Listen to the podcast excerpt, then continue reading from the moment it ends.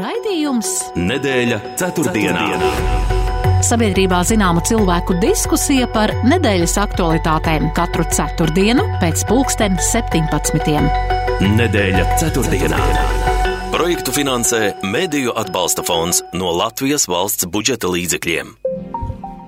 Sveicināti, kurzemes radio klausītāji! Ceturtdienas vakars 11. janvārī ir klāt, un šovakar ielūkosimies pēdējos septiņu dienu notikumos. Un tā īsumā uzskaitot, tas ir izskatās apmēram šādi. Augstuma rekordi, pārakstu vākšanas referendumam rezultāti, gatavošanās jaunām degvielas cenām, jaunās pases cenas, turpinās pasažieru vilcienu likstas, Krievijas pārtikas produktu eksports uz Latviju, politi Polijas politiķu spēles prezidenta pilī, Ukrainas prezidenta viesošanās Baltijas valstīs, Latvijas sabiedrisko mēdīju apvienošanas process, ieguvumi no tā, un uh, vēl uzzinājām, ka grupa Kredo šogad svinēs 50 gadu jubileju un saņems arī balvu zelta mikrofons par mūža ieguldījumu Latvijas populārajā mūzikā. Tā izskatās īsumā dažādie notikumi pēdējo dienu laikā.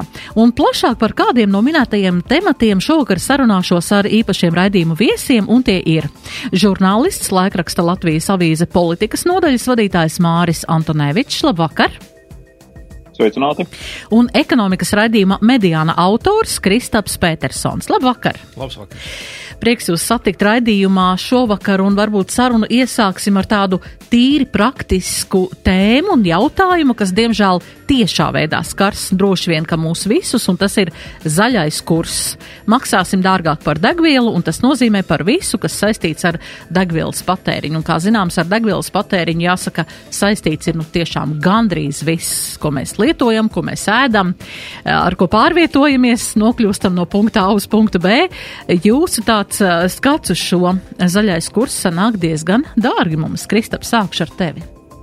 Jā, es varbūt dziļās analīzēs par to, cik dārgāk vai cik lētāk tas ir sanāk, neieslīgšu, bet tā kopumā skaidrs, ka ekonomika un vispār šī jau pat īsti nav vairs ekonomika, šī jau ir varbūt tāda pat dabas resursu cikliskums um, ir zināma lieta un zināma tēma.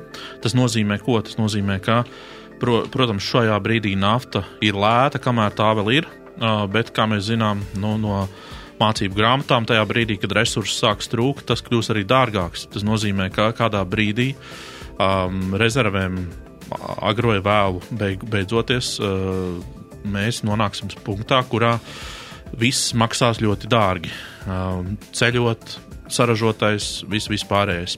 Un, lai tas nenotiktu, tieši tāpēc tiek šobrīd meklēta alternatīva veidi, un tas ir jauns, tas šis zaļais kurs, jā, jaunas zaļās tehnoloģijas un tā tālāk.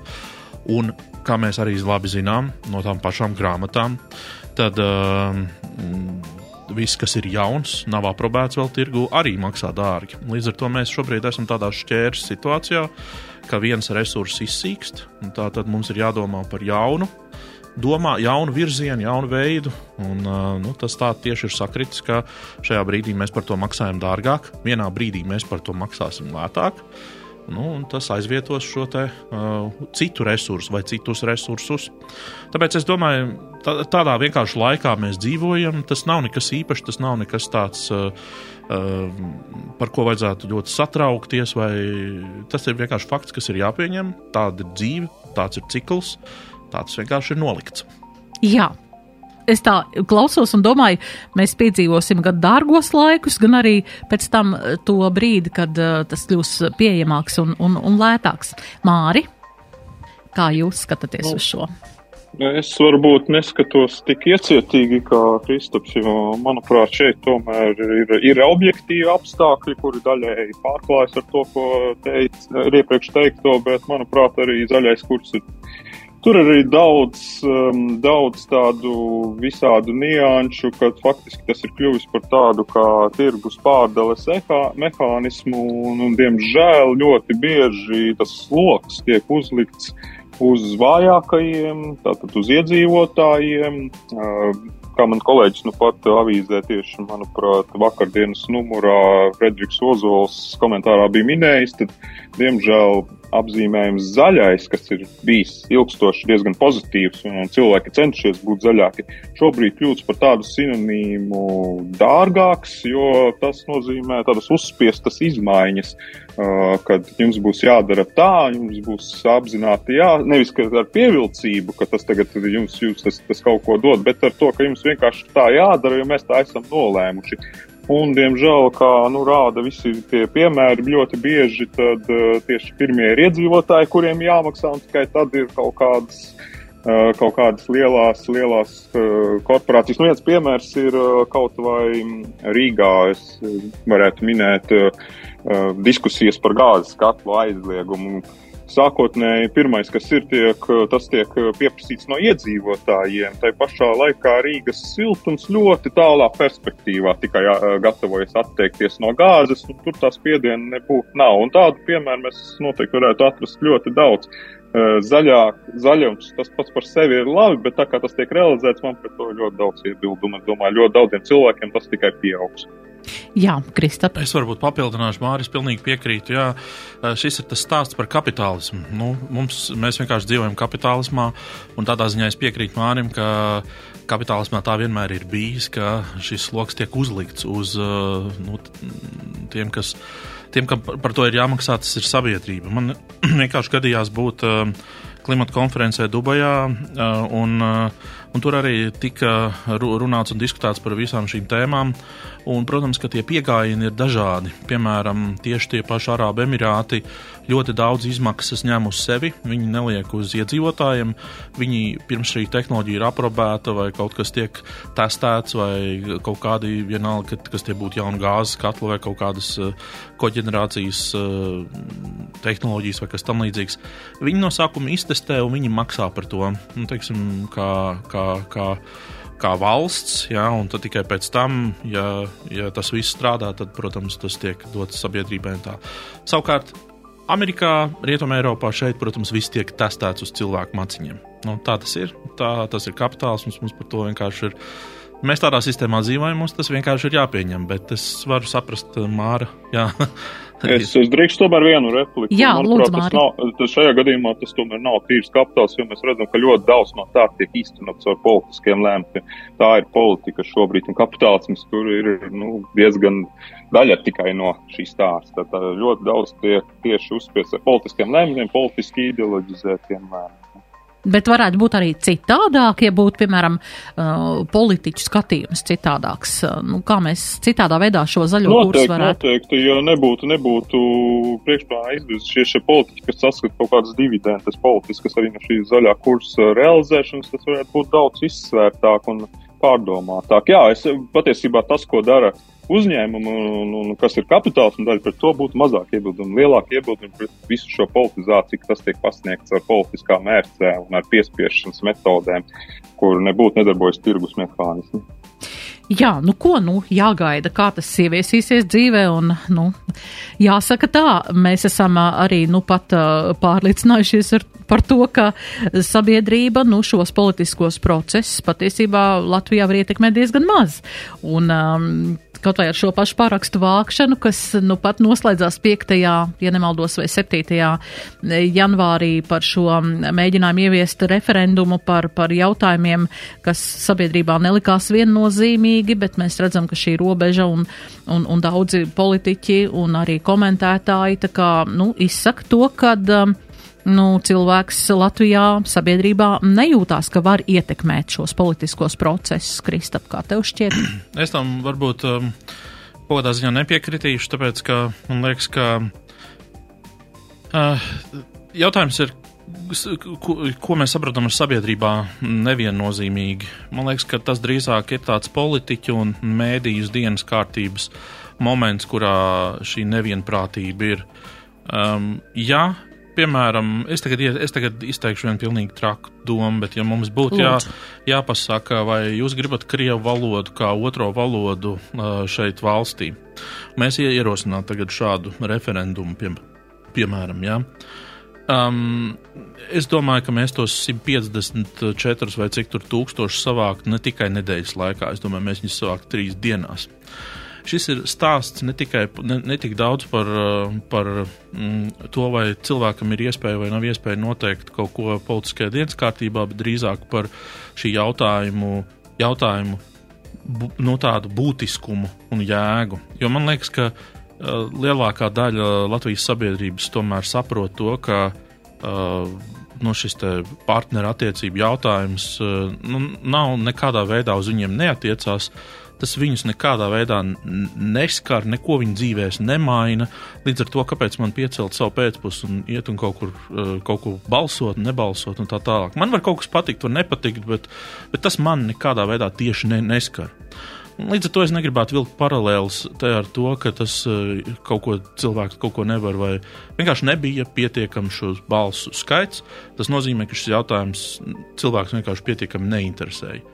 Tas, ka zvana uz brīvo mikrofonu, tur cilvēki runā un sūdzās un kaut ko tālāk, ka nav bijusi informācija un tā tālāk, būs vienmēr cilvēku daļa, kurai mūžīgi nekad nebūs informācija. Tad, ja tu 21. gadsimtā, šodienas Latvijā, var pateikt, ka tev nav informācijas, kad ir visi interneti, visi telefoni un tā tālāk, un tu vari pateikt, ka tev nav informācijas, tad nu, tas drīzāk kaut ko par pašu cilvēku pasaka. Jā, Māri. Nu, es droši vien gribētu, tu gribi pavisam par citu tēmu iesākt, bet lai būtu tādas, tādas pozitīvas nots, manuprāt, kas pierāda, ka sabiedrība var ietekmēt politiskus lēmumus, un, ja, ja, ja parāda savu nostāju, un tas ir mazliet cits stāsts, tas ir stāsts par jaunajām pasēm un to, ka uh, maksu, kas tika izziņota pagājušā gada nogalē, un tika paziņots, ka tātad mums ir bijis līdz šim 30 eiro, turpmāk būs 60, un, un premjera ļoti augstprātīgi bija izrunājusies, ka visiem jau tās pases nevajag, un tā ir apmēram tāda privilēģija, kas ir tādiem turīgiem slānim, kuri ceļo, un pārējie jūs varat iztikt bez, lai gan vēlāk atklājās, ka pases arī šur tur citur ir vajadzīgs, ir sevišķi vecākiem, kam ir bērni, bet sabiedrībā bija neapmierinātība, sociālos tīklos viņi ļoti asi izpaudās, un mēs šodien vakar uzzinājām jaunumu, ka pases tomēr nebūs tik dārgas, ka šīs sabiedrības aktivitātes un neapmienības iespējā šī, šī cena ir būtiska būtiski samazināta, un 30 vietā būs tikai 4 eiro pieaugums, tātad 34 eiro. Un, manuprāt, tas ir labs piemērs, ka arī turpmāk politiķi, uz politiķiem jāturpina spiest un izmantot gan sociālo tīklu, gan visas citas iespējas, ja sabiedrība tiešām neapmiera šie lēmumi, viņi neredz pamatojumu, kā šajā gadījumā bija ar pasu cenu pieaugumu, kur īsti nevarēja izskaidrot. Bet kas attiecas uz referendumu, tur, manuprāt, ir ļoti daudz punktu nu, šo parakstu vākšanu par referendumu iespējamo Tur, tur var, var skatīties ļoti no ļoti dažādiem aspektiem, un uh, sabiedrība, sabiedrības iespēja ietekmēt šeit varbūt nav tas būtiskākais. Ir viens ir uh, jautājums ir par tīri tehnisks, kā notiek šī parakstu vākšana. Nu, šis bija gadījums, kad kad šis variants, šī pieeja bija ļoti arhaiska, novecojusi, ka cilvēki faktiski nevarēja izmantot internetu. Nu, tā tas, diemžēl, palicis likumā, ka tieši par tiem likumiem, ko, kas, kas tiek, ko prezidents, par kuru tiek vākti paraksti, kur ir parakstījuši saimnes deputāti, ka to var tikai pie notāriem darīt. Līdz ar to, protams, iet pie notāra mūsdienās, kad, kad faktiski mēs visu darām internetā, nu, tas ir tiešām kaut kas kaut kāds.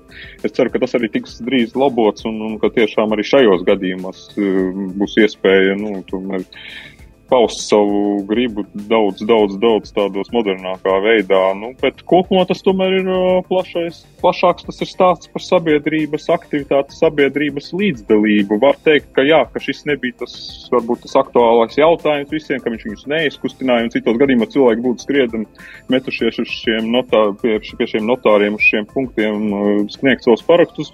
Bet, manuprāt, te var paskatīties kaut vai vēlēšanu līdzdalības rādītājus. Nu, pēdējās saimnes pirms vēlēšanās tie varbūt nebija tie paši kritiskākie, bet nu, tā līkne pastāvīgi ir gājusi uz leju. Pašvaldību vēlēšanās ļoti drūma aina, Eiroparlamenta nevēlēšanām vispār nerunāsim, kas mums šogad gaida. Vienkārši sabiedrība paliek ļoti apātiska, neiesaistīta pilnīgi lielākajā daļā jautājumu. Viņi ir pārņemti ar savām problēmām. Viņi neredz iespēju, tiešām, kā, kā mēs sākam runāt, neredz iespēju ietekmēt arī vēlēšanā, nododot savu balsi. Nu, ja mēs runājam konkrēti par šo partnerību likumiem, nu, tad te ir spilgts uh, piemērs, kāpēc tas tā veidojas. Jo vēlēšanās cilvēki nobalsoja par partijām, kas pauda, ka viņi nebalsos par šādiem likumiem, gan par Stambuls konvenciju, par partnerības likumiem, ka pagaidām paliks tā kārtība, kas ir. Nu, šajā gadījumā Zemnieku savienība mierīgi atsakās no saviem iepriekšējiem izteikumiem un maina nostāju tikai tāpēc, ka viņi ir nokļuvuši koalīcijā un tas ir daļa no darījuma.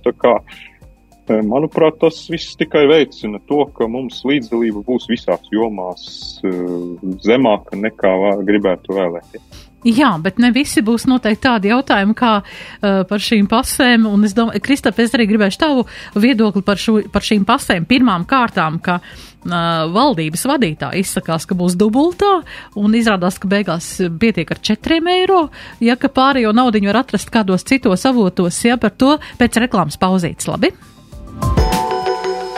Nedēļa ceturtdienā.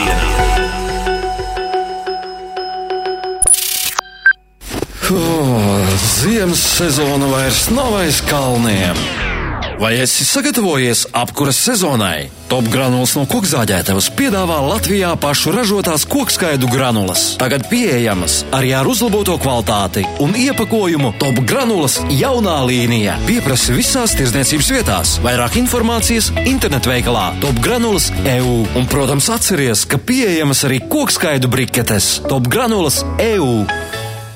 Visi tirgo visu, bet kur iegādāties sadzīves tehniku, kurai ir piemērota tieši jums? PTA, PTA, PTA!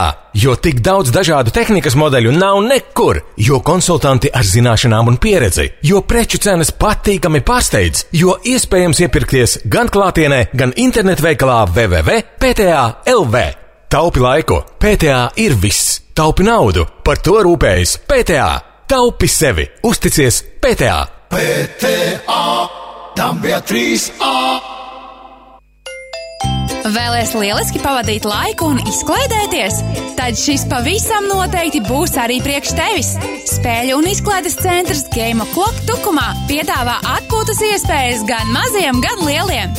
Izklaides centrā 26 dažādu spēļu aparāti, piepūšamās atrakcijas un citi pārsteigumi lieliskai atpūtai. Uz tikšanos Game Clock Tukumā, Talsielā 11. Vairāk informācijas zvanot 24 935 000. Game Clock Tukumā. Sabiedrībā zināma cilvēku diskusija par nedēļas aktualitātēm. Nedēļa ceturtdienā.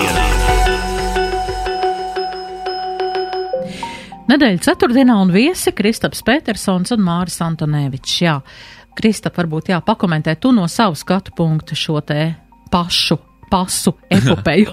pašu, pašu, pašu, pašu. pasu. uh, man ir, uh, droši vien es teiktu tā, man ļoti patīk uh, runāt par augstā valsts amatpersonu komunikācijas tematu. Un uh, šajā gadījumā konkrēti man liekas, ka te ir viens um, mēdīju treniņa, tāds viens no zelta likumiem, ko es arī neslēpšu nevienam politiķim esmu mēģinājis mācīt un stāstīt. Un, diemžēl Levika Siliņa nav bijusi mans klients, tāpēc es varu tā droši teikt, ka ja, ja es viņai droši būtu ieteicis, ka nu, nevajag runāt par visām tēmām un lietām, par kurām tev uzdod jautājumu. Ja. Pirmajā brīdī varētu šķist, ka premjeram ir jāatbild uz pilnīgi visiem jautājumiem, un viņš nedrīkst lietot tādu terminu, kā es noskaidrošu šo jautājumu, un mēs jums vēlāk atbildēsim, vai kā tam līdzīgi. Bet ir un var un vajag. Jo um, mēs esam pieraduši pie tā, ka mēdīji tev var padu, uzdot jebkādu jautājumu, un tev var jebkādā nesagatavotības pakāpē pieķert. Un, Un, un ja tu izdari kaut kādu muļķīgu soli, kā tas gadījās Siliņas kundzei ar, ar, ar, ar šīm pasēm, nu, tad tev vilks līdzi un paskaties, cik, cik pagājuši mēneši jau mēs velkam līdzi viņai šo te uh, Un šāds jau nav viens gadījums. Un tā sakrājās, sakrājās, sakrājās tādi, un beigās arī šie politiskie reitingi arī tiek ietekmēti. Ja? Tāpēc es, um, um, jā, es pilnīgi noteikti mediju treniņā ieteiktu Siliņas kundzei uh, laiku pa laikam vienkārši paklausīties to jautājumu un pavērtēt un saprast, vai man ir atbildu šo jautājumu vai nav. Mm -hmm. Un kā tu būtu ieteicis šādu, šā, šādus nesagatavotus jautājumus arī klausītājs? Varbūt kāds ļoti, domā, ļoti kā? vienkārši, tāpēc, ka viņa pati um, pēc tam izteicās, ka viņai tā bija pirmā dzirdēšana. Tas nozīmē, ja tev no žurnālistiem ir pirmā dzirdēšana par kādu tematu, un tu neesi ne valdības, neviens tev nav teicis, ne kolēģi, ne, ne tu valsts sekretārs sanāksmēs kaut ko tādu varbūt es dzirdējis vai kā. Nu, tā ir jauna informācija. Tie, tā tikpat labi var būt uh, fake informācija. Nu, un ko, ko, ko tas nozīmē? Es komentēšu tagad jā, kaut kādu fake informāciju. Nu, nē, uh, man šī ir pirmā dzirdēšana, jā, tāpēc es atteikšos no, no, no konkrētiem komentāriem un viss. Punkts. Jā, Māri, kā jums šķiet, tas būtu tā kā līdzējs? Nu, es to interviju gan, nu, gan redzēju klātienē, un man tas gan nešķita, ka tā ir premjerē kaut kāda pirmā informācija. Viņa bija iegat, ie, ā, ieradusies, sagatavojusies ar lapiņu. Tātad, um, tad, ja viņa stāsta, ka tā bija pirmā informācija, tad, manuprāt, viņa kaut ko mazliet maldina sabiedrību, jo viņa bija sagatavojusies, viņa zināja, viņai bija argumenti tieši tie paši, ko iepriekš bija teikusi PNP, ka dokuments nav obligāts. Un visu uzskaitīja, manuprāt, tā tobrīd bija tāda nostāja, nu gan jau sabiedrība norīs. Mēs tagad pateiksim, paskaidrosim, nu nav tik būtiski, viesi visiem tiešām to pasu nevajag, tie daži paņurdēs un norīs. Bet nu, tādi apstākļi eh, ir sanākuši, ka jaunā vienotība uzzina jaunākos reitingus, kas kritušies.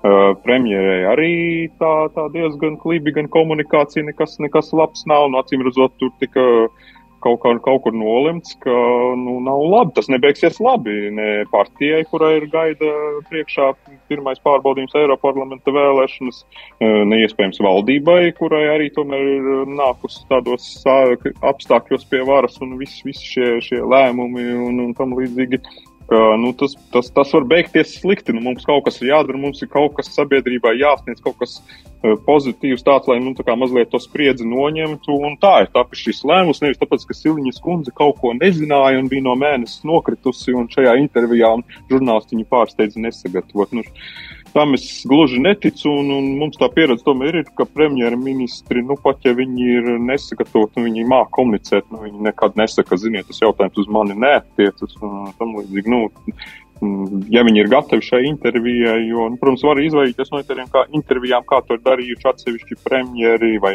izvairīties no intervijām atsevišķiem mēdījiem, kā, kāds arī kāda pieredze ir, bet nu, es domāju, ka tas nav labais stils un ka, ka, ka premjeram tomēr jāparāda, ka viņš kontrol šo situāciju. Šie jautājumi šajā nedēļā bija aktuāli. Mm, Viss, viss liecināja, ka Silņa zina, par ko viņa runā. Es varbūt Jā, māru papildināšu. Tur tā lieta bija tāda, ka viņai bija informācija no mediju monitoringa par uh, Mairas Rozes, PMLP vadītājas interviju Delfos. Līdz ar to viņai bija tikai tik daudz tās informācijas. Tad viņai nebija nekāda oficiāla informācija vai kāda informācija par to, kāds patiešām būtu grasījies un gatavojies celt tās cenas. Līdz ar to es teiktu, vai no viņas pašas lēmums vai viņas preses cilvēku lēmums bija uh, tomēr izteikties un runāt par šīm pasēm, kas uh, manā uh, izpratnē nav pareizs uh, gājiens. Jā, bet, ja tu saki par šo te pirmā dzirdēšanu, tad no viena otra ministra es šādi tad redzu arī tādos debašu raidījumos, diskusiju raidījumos, kad tiešām es skaidri zinu, ka viņš zina šo informāciju, viņš par to mm. ir runājis, bet viņš pasaka, nu, man tā pirmā dzirdēšana, tā nekas tāds nav bijis, vai, vai kaut kā tā. Jā, labi. Uh, liekam malā šīs pases. Labi, ka ir tikai 4 eiro. Tā kā viss, viss turpināsies, un PMLP arī sola, ka jauda būs tā pati, un cilvēki varēs dokumentus apmainīt, un viss būs kārtībā. Bet es gan gribētu par kādu vēl tematu šajā vakarā ar jums parunāt, uh, kā jūs zinat politiku un, un, un visus šos um, dažādus tās, um, ko mēs nezinām, tādas aizskatūs saucamās lietas. Par Poliju. Kas notiek šobrīd Polijā? Vai jūs varat pakomentēt? Jo vakar atkal nāca tāda ziņa, ka Polijas prezidenta pilī ir slēpušies divi politiķi, kuriem ir, kuriem ir, kuri jau ir notiesāti. Viņiem tikai šis sots, tā kā prezidents bija tā kā, nu, šo sodu tā kā atcēlis, bet, bet tas, kas komiskākais, tas, ka viņu abus policija saņēma ciet prezidenta pilī. Vai jums ir kāda vēl informācija, ar kā, kā šo visu komentēt, un, un, un vai tiešām prezidents būtu savā pilī viņus slēpis, vai, nu, tas izklausās diezgan tā mūsu laikos, Polijā tā diezgan, nu, interesanti. Māri, sākšu ar jums. Nē, nu, Polija, manuprāt, tas, kas notiek Polijā, ir ļoti, ļoti slikts precedents visai, visai demokrātiskai pasaulē, nu, visai Eiropai, nu, mūsu reģionam īpaši, jo tas parāda, jo visu laiku bija apmēram stāsts, nu, nāks jaunā koalīcija un atjaunos tiesiskumu. Nu, tas, kas šobrīd notiek, vairāk izskatās pēc tādas politiskās izrēķināšanās, vismaz tās metodas, kas tiek lietotas, nu, arī, arī šīs televīzijas pārņemšanas ar tādām ļoti brutālām metodēm.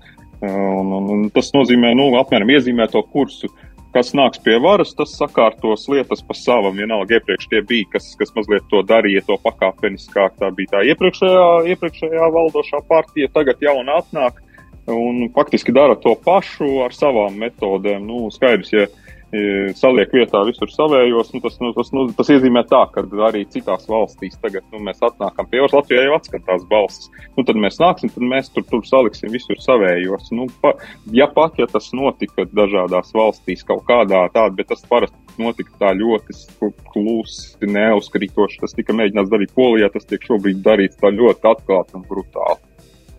Jā, Kristap. Es uzreiz atzīšos, man pašam savu viedokļu īsti nav par šo tematu, bet uh, tas, ko es varu, es varu atreferēt mēram to, ko es lasīju pirms apmēram trim nedēļām Financial Times tādā analīzē par, uh, par, par Tusku, ka um, viņš ir mazliet pārpratis to savu mandātu, jo skaidrs, ka uh, priekšvēlēšana cīņa bija diezgan asa, bet tajā brīdī, kad uh, viņš un viņa partija guva, guva panākumus, tad sanāk tā, ka nu, viņš pārprata to momentu, ka šeit tagad vajag nākt un ar cirvi cirst visu. Ja? Centrālās bankas vadītāju vajag atstādināt, vajag pārkārtot tur tiesu sistēmu, vajag ķerties klāt sabiedriskajai televīzijai. Policijas vadībai. Policijas vadībai un tā tālāk. Nu, tur ir vesela rinda visādu, kā saka. Un, un, un, un nu, Financial Times raksta par to, ka tas esot savā ziņā tāds iekšējs pārpratums par to, ko tauta nu, it kā viņam ir deleģējusi darīt. Un jāsaka tā, ka Tas ir tāds, man kaut kādā ziņā tas mazliet atgādina tādu Eināra repšas savu laiku, tādu entuziasmu. Ja?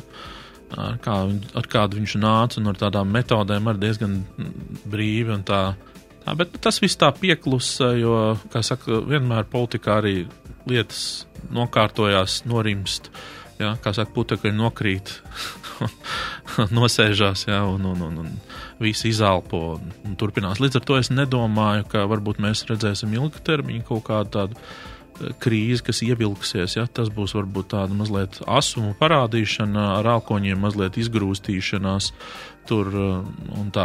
Es neparedzu, tur, ka tur cilvēki ļoti ies ielās un ka tur būs kaut kas, kaut kas tāds. Protams, šie visi arī tevis minētie gadījumi par tiem slēpšanos tur un tā tālāk ir, ir ļoti komiski. Bet, uh, es, es tos varbūt tā uzskatu kā tādus uh, ekvivalentus, bija repšs, varbūt izgājieniem, kas arī bija dīvaini savulaik. Jā, bet uh, Dudas un Tuska, tātad uh, Duda ir uh, prezidents Polijā, Tusks ir premjerministrs, um, viņu attiecības savstarpējās un tāda, nu, pozīcija, opozīcija, vai kā, kā viņus tagad nosaukt, vai tas var ietekmēt kaut kādus politiskos procesus Polijā, Māri? Jā, protams, un, un tas savā ziņā varbūt pat ir labi, jo vismaz kaut kādi nu, šie varas līdzsvari saglabājušies pret acīm redzamu šobrīd valdošās koalīcijas vēlmi pārņemt visu, nu, prezidentu viņi nevar nomainīt. Tur ir jāgaida vēlēšanas, bet tikmēr jau arī sabiedrības noskaņojums pēc visiem šiem gājieniem var mainīties. Par ko es teicu, kas mani uztrauc, tas, ka, nu, Polija, labi, Polija, nu, ko mēs jauksimies Polijas lietās, mēs sakam, mums, mums jau arī pašiem tā, bet, kad tiek radīts šis precedents, nu, skaidrs, tagad pieņemsim nākošajās vēlēšanās, ja, ja, ja Polijā pareizi saprot, pēc četriem gadiem tāpat kā pie mums, vai pēc pieciem, nu, es ne, ne, nezinu, nevaru tagad uzreiz pateikt, bet nu vienalga. Pēc nākošajās vēlēšanās, piemēram, pie varas atgriežas iepriekšējā koalīcija. Nu, vi, es nešaubos, ka viņi izdarīs to pašu, ko mm -hmm. šobrīd dara Tusks. Un šobrīd jau viņi teiks, ziniet, bet mums, mums tam ir pamats. Lūk, mūsu iepriekšējais darīja tāpat, un tagad mēs, mums ir tādas pašas tiesības rīkoties atkal. Vienkārši tā ir slikta politisko tradīciju iedibināšana. Labi, ja tas vēl būtu tikai Polija, kad tas nesāk vēlties tālāk uz visu austrumu Eiropu, un kur jau tas tiks atklāti darīt pēc katrām vēlēšanām. Un, nu, par repšu es nezinu, tas bija cits, cits varbūt laikmets, tas bija tāds, ka varbūt tādi populistiskie gājieni šie populistiskie, ka mēs nāksim un jaunu pasauli sev celsim un, un visu veco aizslaucīsim, bet nu repšē jau arī viņš bija, viņam nebija 51 mandāts saimā, viņš bija koalīcijā, viņam tur kaut, kaut ko viņam ļāva darīt, bet diezgan ātri. Viņš, viņš, viņš, viņš nebija premjeras un bija pavisam citas koalīcijas. Tā kā, nu, daudzpartiju sistēmas ietvaros tas, protams, ir pozitīvi, ka viena partija nevar tā visu izslaucīt un, un pēc saviem ieskatiem izdarīt, ka tomēr ir kaut kāds šis balans. Tāpēc arī Polijā cer, ka jā, ka prezidents un, un varbūt vēl kaut kas, ka tomēr viss tas mazliet piebremzēs šīs revolucionārās noskaņas. Jā, bet arī Repšs nākšana vispār politikā bija ļoti interesantā veidā, jo viņš to sabiedrības tādu uzticības mandātu viņš caur finansēm, jo viņam vajadzēja saziedot miljonu, un ja būs miljons, tad viņš uh, nāks politikā ar savu partiju. Tas arī bija tāds, es domāju, tāds. Nu, radošs gājiens. Radošs gājiens, jā, patiesībā. Jā, mums ir reklāmas pauzīte, un pēc tam mēs turpināsim tālāk par šodienas, uh, vakardienas, šodienas uh, notikumiem tepat Baltijā, jo pie mums ir ieradies um, Ukrainas prezidents Valdimirs Zelenskis. Nedēļa ceturtdienā. Kas tā par kupenu, kas staigāt mākslā? Ah, tas taču tētis no topiņa nāk. Atlaides katrā plauktā tur mirdz un izdevīgs viss, ko kāro mans sirds. Jo vietējā veikalā top no 4. janvāra līdz 17. janvārim maltā kafija Merila 400 grami 4,79 eiro un šokolādes batoniņš Snickers Super 112,5 grami 1,19 eiro.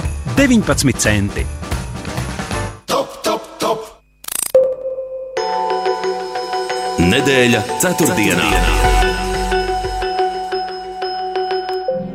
Turpinām raidījumu Māris Antonevičs un Kristaps Petersons šodien raidījuma viesi. Jā, vakar un šodien tātad Baltijas valstis Viļņu, Rīgu, Tallinu, ja precīzāk Viļņu, Tallinu, Rīgu apmeklē Ukrainas prezidents Volodimirs Zelenskis. Kā jūs redzat šādu vizīti šajā laikā? Lietuvā uh, netika izsludināta drošības apsvērumu dēļ. Vakar mēs jau zinājām Rīgā, kur cikos un kad viesosies Zelenska kungs. Māri, sākšu ar jums. Nu, būtu gribējies, varbūt, lai arī Zelenskis atbrauc uz Latviju ātrāk, ņemot vērā, ka mēs tie Baltijas, Baltijas valsts tiešām ir um, sabiedroti, nu, viņš paguva daudzās citās valstīs paviesoties, bet, nu, varbūt tas arī saprotams, jo, nu, mūsu politiskais svars attiecīgi pie mums viņš vairāk brauc kā pie sabiedrotajiem. Nu, tā, draudzīga, draudzīga vizīte. Nu, citur viņš brauc ar citiem uzdevumiem, un, un tur tie varbūt ir tādi smagāki, smagākas, smagāki braucieni nekā, nekā pie mums. Un, nu, Es, kā, kāpēc tas viss mums tāds kā mazliet pārsteigums, ka viņš šodien ierodas? Tad, nu, es domāju, ka tas ir saistīts ar drošības apsvērumiem. Skaidrs, ka Tas viss tiek ļoti rūpīgi plānots un nav šaubu, ka ir, ir daudz spēku, kas vēlētos kaut kā izjaukt un, un, un, un kuriem ir noteikti kaut kādi ļauni nodomi. Tas viss ir noteikti ļoti smaga organizā, organizatoriski pasākumi. Un, piemēram, interesanti bija tas, ka vakar Lietuvā viņš nu, faktiski uzstājās tautas priekšā bija ļoti daudz cilvēku, un nu, Rīgā tāds pasākums nav ieplānots, kas par ko ir mazliet žēl. Nu. Vai tas arī ir saistīts ar kaut kādiem drošības asveniem, vai tur ir bijuši citi, to es nezinu, bet, nu, jā, būtu bijis, protams, iespējams, ja mēs arī varētu klātienē redzēt viņu un klausīties. Jā, Kristap, kā tu šo visu redzi? Jā, es to arī redzu kā nu, tādu drīzāk pateicības um, vizīti, kurā nu, vienkārši ir kā pieklājība žestu. Droši vien viņš uh, pasaka paldies par, par aktivitāti, Un, un, un tā.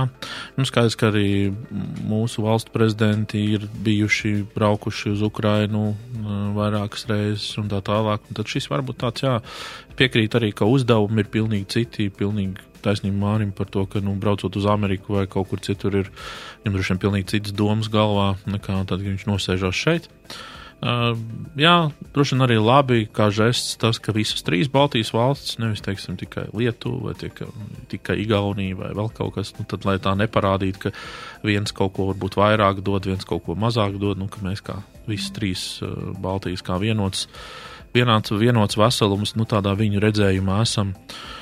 Nu, ko vēl? Nu, es domāju, droši vien, ka par to, ka netika izziņots pirmkārt jau drošības tēma. Bet arī es nevaru teikt, ka nezināja cilvēki, tiem, kuriem vajadzēja zināt, tie jau zināja. Jo kā gan jūs varētu izskaidrot, ka Ilza Nagla tieši diennakti iepriekš bija Viļņā, jā, un ziņoja kaut ko no Viļņas, Viļņas par, par, par, par, par, deput, nu, par ministru, ministra aicinājumu tur iegādāties Air Baltica akcijas, jā, pēkšņi reportāžu no Viļņas, jā, tādēļ viņu brauc uz Viļņu, nu, nē, taču. Tad ir cilvēki, kuriem vajadzēja zināt to, viņi to zināja, viņi tur bija attiecīgi un tā, tā kā, uh, es domāju, tā ir. Tas tiek turēts noslēpumā, protams, kaut kādas detaļas, un tā tālāk. Šodien arī kādreiz man bija tieši lidostā jāpat vairākas stundas, un, un, un, un redzēju, kā tur notiek tā gatavošanās, un viss tā tā. Nu, ne, nebija tā, ka tur kaut kāds liels tur, drošības pasākumi vai kā tam līdzīgi. Tas tā viss ļoti mierīgi noritēja. Un, un tā, tā kā, jā. Jā, bet tas, ka Lietuvā neizsludināja šos laikus un viss, bet Latvijā izsludināja, tas nav tā kā, nu, mazliet, nu, tā riskantāk māri. Nu, labi, Latvijā viņš pēcpusdienā tumsiņa, varbūt tāpēc arī Tums, nebija tums tāda. aizsargā. tums aizsargā, varbūt, jā. Kaut kā, varbūt arī tāpēc es nebija pieņemu, tāda. ka, ka, ka visa šī vizīte tiešām tika plānots, kā, kā Kristaps jau teica, trīs valstis, tas tika plānots kā faktiski vienota vesela vizīte šajā gadījumā. Un, un, un brīdī, kad viņi ir sākusies, tad tiek pasniegts jau visas pārējās detaļas. Vismaz no, no Ukraiņu puses, es domāju, ka tā tas bija, ka, ka tad, kad ir skaidrs, ka viņš ir ieradies, nu, tad mēs pasakām, viņš būs arī Latvijā, viņš būs arī Igaunijā, ko viņš tur darīs, ko viņš Lietuvā darīs, nu, tad mums viss šī, viss šī programma ir pieejama. Nu, tas tikai tā, ja viņš būtu sācis ar Latviju, es pieņemu, ka vispirms nebūtu zināms par mums, par to, ko viņš darīs Rīgā, un vispirms mēs uzzinātu, ka, ka, ka viņš būs Lietuvā nākamajā dienā un tam līdzīgi, jo, nu, pirmā šī vieta ir tā, kur, nu, jātur visilgāk šī šis noslēpums, nu, lai ne kaut kas neizjūgt un kaut kas neiziet tā kā neparedzēt.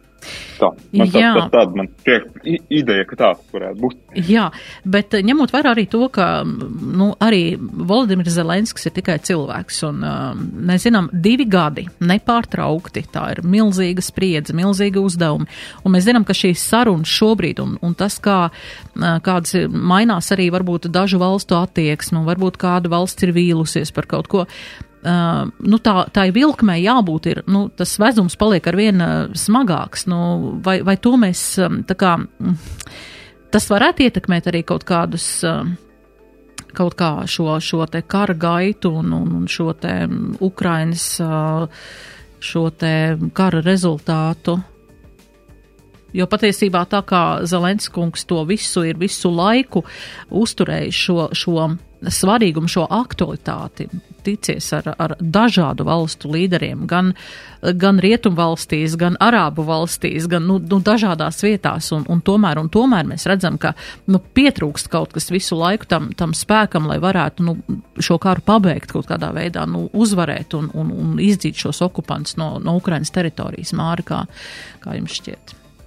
Nu, ja runā par Zelenski, es viņu pieņemu, es ne, ne, neesmu visas viņa intervijas lasījis, kāds viņam ir to jautājis, bet, manuprāt, ja viņam pajautātu jautājumu, viņš šobrīd nu, ir gatavs, viņš nejūtas nogurs un gatavs aiziet, ja viņš zinātu, ka viņa vietā nāk cilvēks, kas varēs to pašu darīt līdzvērtīgi, manuprāt, viņš pateiktu, nē, es, esmu, es darīšu to tālāk.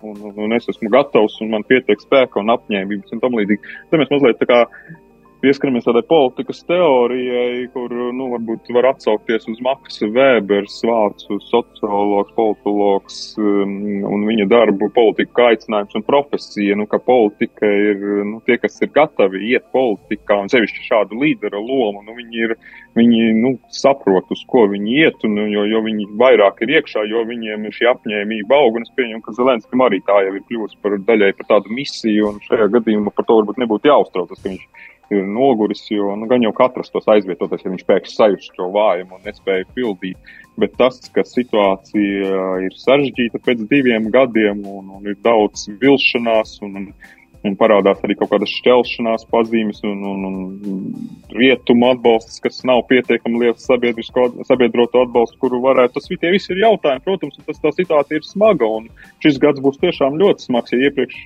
iepriekšējā gadā tas bija tāds kā optimisms, kas pavadīja, ka, nu, varbūt m, sāksies pretuzbrukums, atbrīvotas teritorijas, iet, nu, kaut kādi panākumi. Tad šobrīd tie visi ir jautājumi, tas visas ir bažas, kuras paplašinās. Mēs arvien biežāk dzirdam arī stāstus par to, ka par iespējamiem uzbrukumiem NATO, par iespējamiem uzbrukumiem Baltijai. Nu, tie visi, tie visi, tas viss rada tādu depresiju noskaņojumu. Tas nav tikai Ukraina, tas ir tāda vispārēja, bet nu, nav jau citas izvēles. Uk Ukraiņiem nav citas izvēles kā karot un, un turpināt cīnīties par savu neatkarību. Tādu pašu arī visiem pārējiem, kam, kam, kam būs jāatbild uz šiem jautājumiem arī mums. Jā, Kristap, kā tev šķiet? Jā, es pievienojos Mārim. Uh, un, uh, man liekas, es varbūt tādu salīdzinājumu izteikšu to, ka gan jau, ja mēs pajautātu, jā, viņam viņš teiktu, nu, tas ir mans darbiņš. Nu, es eju uz darbiņu. Nu, man tā, tas ir mani pienākumi, man tas ir jādara. Un tā tas ir. Un tā ir misija, un tas ir darbs. Un es pieļauju, nu, līdzīgi kā mēs droši vien jebkuram pajautātu, kurš smagi strādā. Nu, tepat kurzemē, ja kaut vai klausīs starp klausītājiem. Uh, nu, tu dari to darbu, tev kaut kas sanāk, kaut kas nesanāk, kaut kur kaut kas tavu. Uh, varbūt uh, tu neietekmē kaut kādas tēmas un lietas, bet nu, kaut kas ārā tur mainās, un tas tevi ietekmē. Un tā. un līdzīgs stāsts. Nu, ir uzņēmēji, kas ļoti daudz strādā, stundas strādā un tā tālāk, un arī varētu teikt, ka nu, viņi, ir, viņi izdeg. Jā, nu, izdeg, jā, bet viņi droši vien viņus vada misija kaut kādā ziņā, tad jau tas ir mazliet cits stāsts. Katrs mazākais panākums tā kā uzlādē un dod tādu jaunu Tieši spēku. Tā. Jā, un, protams, tauta aiz muguras, aizmugurē, kas ir, kas uzticās, tas uzticības mandāts, domāju, tas jau arī ir viens no tiem, kas ir tāds zināms akumulators ilgspēlējošs. Jā, eh, mums ir palikušas patiesībā tikai četras minūtes līdz raidījuma beigām, un es tagad domāju, mm, mēs vēl varētu. Eh, Kādas četras tēmas varētu Kādas pacelt. četras tēmas vēl pacelt? bet, bet varbūt, jā, varbūt par šo. 21. Eh, janvāris, tā kā Navaļnija šie, šī te organizācija, kā viņi varētu nosaukt, jā, tā kā uh, aicina visā pasaulē 21. janvārī rīkot demonstrācijas un ar, ar domu tā kā protestēt, lai um, diktators Krievijā Vladimirs Putins nevarētu uzvēlē, uzvarēt vēlēšanās, protams, kas nav no ārvalstīm pilnīgi nekādā veidā, es domāju, ietekmējams, bet šāda akcija un, un, un šādu, patiesībā tas arī ir stāsts par cilvēku, kas ir, kas ir līderis, kam ir harizma, kurš pats ir tālu Arktikā kaut kādā ieslodzījumā, kaut kādā vietā, tālu no sabiedrības, tālu vispār arī no saviem cilvēkiem, no savas komandas, bet tomēr šī te eh, dzīvot spēja eh, cilvēkiem, kas ir šis pats eh, viņa līdzgaitnieks Volkovs, kas, kas to visu organizē. Ko tas liecina ko tas patiesībā, ko tas kaut kādā veidā var iekustināt kaut kādas procesas arī pašā Krievijā? Es domāju, ka tas neko nevar iekustināt. Es, tas ir mans tikai personīgs viedoklis, bet es uzskatu, ka tas ir uh, kā es mēdzu teikt, tev ir jāsaprot savu vietu ķīniešu revolūcijā. Ja? Nu, tad, tad šis ir tieši, tas pats stāsts, ka tu saproti, ka kāds mazs grauds tu esi, un būsim jau nu godīgi, kurš pasaulē zina.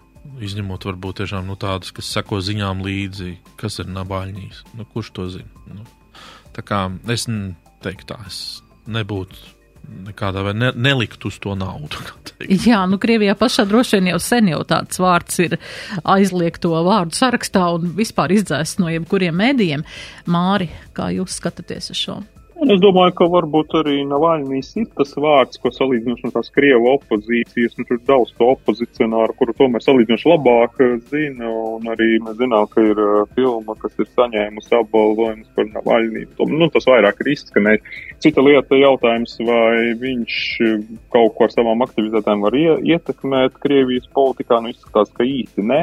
Visticamāk, viņš ir palaidis garām savu diezgan lielu iespēju, kad uh, šī sabiedrība bija gatava viļņoties, un kad, kad viņš varbūt mēģināja to ļoti pakāpeniskāk darīt, un nevis, nevis šo noskaņojumu ar vienu ar vienu audzēt. Nu, tas bija, mēs atceramies, pirms gadiem, pirms 14, 12 gada, 11 gada pie visas balotnija, un tad, un, kad vara tiešām bija ļoti nobijusies. Nu, šobrīd, nu, manuprāt, mēs jau pēdējos divus gadus redzam, kas Krievijā notiek. No nekādiem protestiem, tur nekādu neko īpaši mainīt nevar, un arī tie, kas ir gatavi, pat būtu gatavi iet uz šiem protestiem, pat, pat tie ir iebiedēti vai aizbēguši līdz ar to kaut kur ārzemēs staigāt, kaut kur ārvalstu galvaspilsētās pie, un nu, tas, tas jau vairs īsti neizskatās nekas iedarbīgs. Tur ir, acīm redzot, jāgaida kaut kādi citi spēki, citi, citi kaut kādi notikumi, kas mainīs kaut ko Krievijā. Ir iespējami kaut kāda tāda notikuma, un kādam notikumam tam vajadzētu būt? Mm, tas, tas noteikti nebūs tāds, kā mēs to iedomājamies, kaut kaut kādas demokrātiskas pārmaiņas. Tas noteikti būs kaut kāds juku laiks, eh, varas dalīšana, vai tas notiks pēc Putina nāves, vai tas jau iepriekš kaut kāds apvērsums, to šobrīd ļoti grūti prognozēt, bet tas noteikti būs diezgan nepatīkami no, no kaimiņu valsts vērot un, un bažīties, kas tur tālāk notiks, jo tas nebūs tā kā 91. gadā, kad Jeļcins uz tanka un, un neatkarība ar padomju republi, republikām un viss pārējais, par ko mēs tikai priecājamies, tur mēs noteikti ar bažām skatīsimies, kaut kas sāksiet. Jā, bet nu katrā ziņā mēs to noteikti. Noteikti pamanīsim, ja kaut kas tāds tur notiks. Paldies jums liels par sarunu šai vakarā. Uh, uh, gribēju vēl pateikt par grupu Credo, bet mums vairs, diemžēl, nav laika, jo Credo svin 50 gadus un mūža ieguldījumu balvu saņems, bet par to mēs vēl paspēsim parunāt, jo tas vēl tikai priekšā 8. martā šī balva tiks pasniegta, tā kā varbūt kādā citā raidījumā. Jā, šovakar uh, sarunājos ar žurnālistu laikrakstu Latvijas avīze politikas nodaļas vadītāju Māri Antoneviču. Paldies, Māri! Paldies. Un ar ekonomikas radījumu mediānu autoru Kristapu Petersonu. Paldies arī Kristap tev! Paldies, paldies! Un uh, pie skaņu pults bija mans kolēģis Emīls Kuplais, producente Anna Andersone, raidījuma vadījies Dace Blūma. Uz tikšanos turpmāk. Raidījums Nedēļa ceturtdienā. Sabiedrībā zināma cilvēku diskusija par nedēļas aktualitātēm katru ceturtdienu pēc pulksten 17. Nedēļa ceturtdienā. Projektu finansē Mēdīju atbalsta fonds no Latvijas valsts budžeta līdzekļiem.